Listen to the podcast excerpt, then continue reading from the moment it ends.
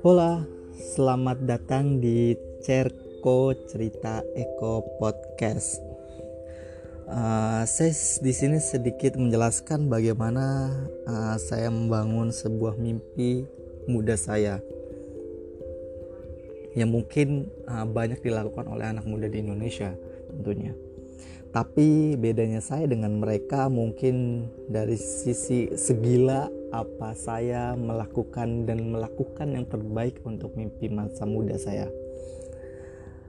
Banyak orang terdekat saya bilang saya gila kerja, bahkan bukan hanya itu. Uh, orang yang paling dekat dengan saya pun saya abaikan, bahkan sering saya abaikan karena saya sibuk bekerja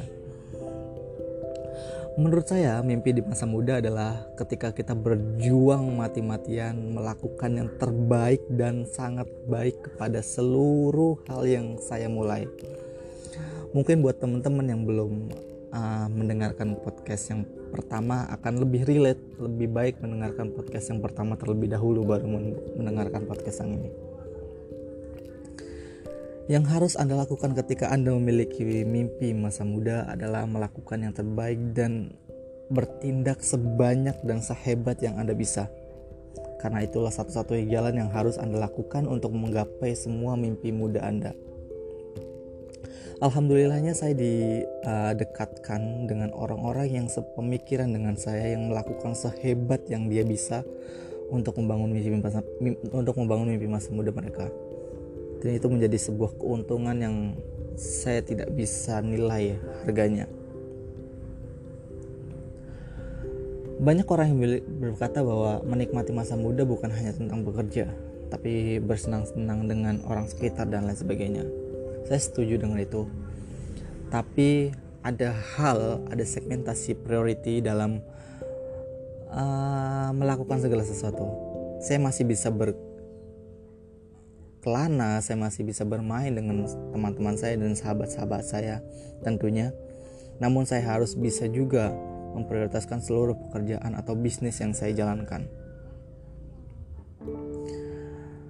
Masa muda adalah masa yang paling indah saya setuju dengan itu.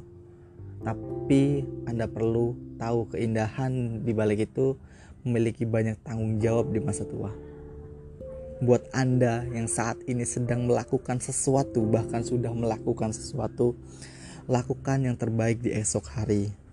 Karena Anda tidak tahu, Anda benar-benar tidak tahu bagaimana Anda di 20 tahun ke depan atau bahkan 30 tahun ke depan. Apalagi untuk Anda yang masih sendiri. Pastikan semua masa depan Anda terstruktur dengan sangat baik sehingga ketika Anda memiliki sebuah keluarga keluarga tersebut merasa beruntung memiliki Anda dan menikmati kebahagiaannya bersama. Sesimpel itu sih. Itu yang saya lakukan saat ini. Namun tentu banyak orang yang setuju dengan jangan pernah lupakan masa muda bermain dan lain sebagainya. It's great. Jangan lupakan itu tapi berjuanglah mati-matian untuk menggapai mimpi masa muda Anda. Caranya Anda bisa lihat podcast episode pertama di Cerko Cerita Eko. Terima kasih.